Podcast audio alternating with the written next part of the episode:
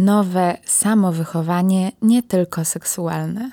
Agnieszka Piwowarczyk czyta Kaja Modzelewska. Recenzja książki Agnieszki Stein Nowe wychowanie seksualne.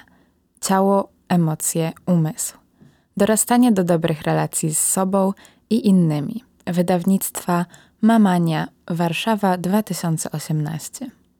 Choć tym, co ma przyciągać uwagę do okładki ostatniej książki Agnieszki Stein, jest wydrukowany na niej dużymi czerwonymi literami tytuł, to w zasadzie dopiero rozbudowane, wynotowane drobnym czarnym drukiem podtytuły sugerują, o czym jest ta książka i jaką pozycję, czy też perspektywę przyjmuje autorka, pisząc o seksualności dzieci, a także, a może raczej, a zwłaszcza ich rodziców.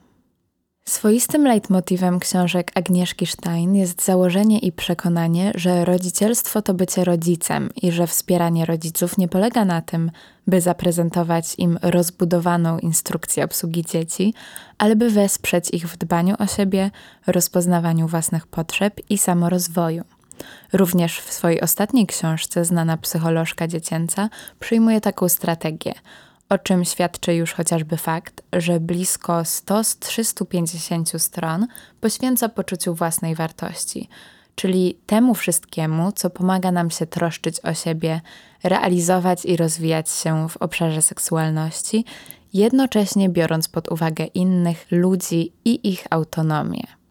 Co pomaga nam budować relacje z innymi i opiekować się sobą, komunikować się i radzić sobie w trudnych sytuacjach.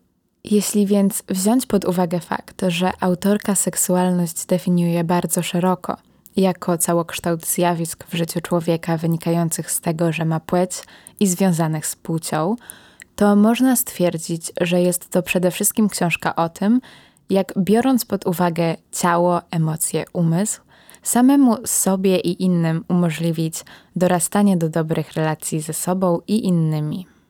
Oczywiście, książka Agnieszki Stein zawiera wiele informacji na różnorodne tematy dotyczące seksualności, takie jak chociażby kwestie dotyczące anatomii i zmian anatomicznych okresu dojrzewania, czy kwestii dziecięcej higieny, a także obszerną bibliografię, czy też listę książek i filmów, z którymi warto się zapoznać.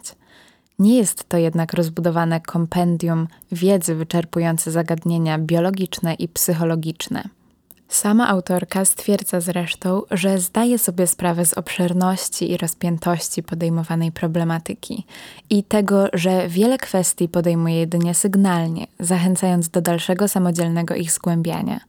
Niewątpliwie jednak jest to poradnik wprowadzający w problematykę seksualności dzieci i rodziców, rozwiewający wiele wątpliwości, a w jeszcze większym stopniu skłaniający do samodzielnego rozważania przywoływanych kwestii. Autorka bowiem, odwołując się do doświadczeń z wieloletniej praktyki psychologicznej, konsultacji i warsztatów dla rodziców, odpowiada na często zadawane pytania.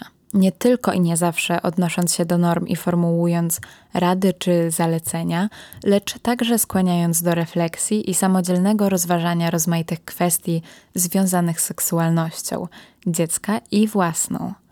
Normatywność zastępuje w ten sposób odniesienie do trzech podstawowych kryteriów – bezpieczeństwa, dobrostanu i dobrowolności.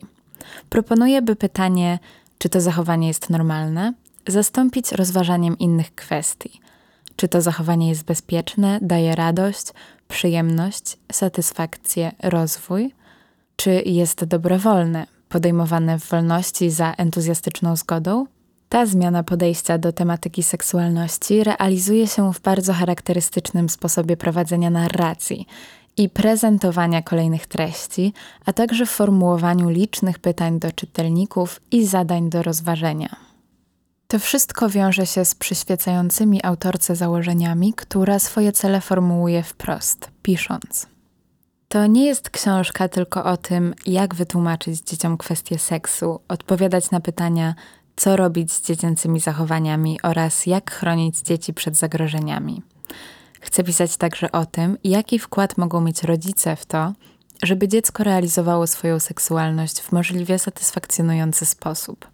Chcę zainspirować Was do zastanowienia się, jakie my dorośli mamy przekonania co do seksualności, jak rozumiemy siebie jako istoty seksualne, jak rozumiemy relacje między ludźmi. Duża część tego, co dzieje się w relacji rodzic-dziecko, to modelowanie i przekazywanie swojego obrazu rzeczywistości. Nie da się nauczyć nikogo czegoś, czego się samemu nie umie, albo chociaż się w danym momencie nie uczy. Trudno jest budować wspierającą relację z kimś, nie mając takiej relacji ze sobą. Dlatego chcę pisać o tym, z czym zmagają się dzisiejsi dorośli w swojej seksualności, jakie doświadczenia z okresu dzieciństwa i dorastania im nie służą i jak można ich nie powtarzać. Jak sprawić, żeby nasze dzieci mniej musiały zmagać się z tym, z czym my się zmagamy?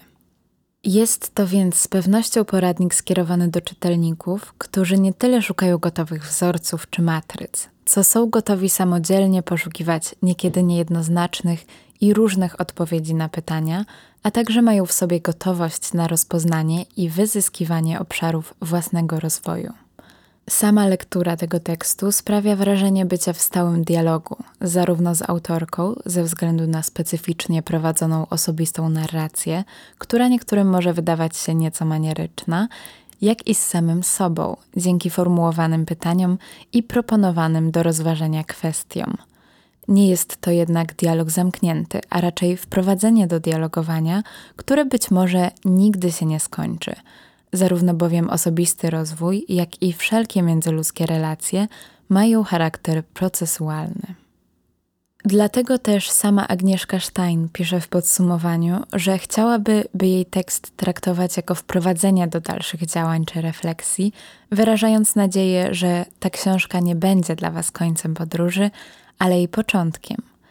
Jeśli zaś te indywidualne podróże rodziców i ich dzieci będą wspierać i współkształtować proces zmian kulturowych, o których wspomina autorka, patrz rysunek, to być może wcale niedługo dobre relacje będą nie tyle celem dorastania, ale podstawowym budulcem codzienności.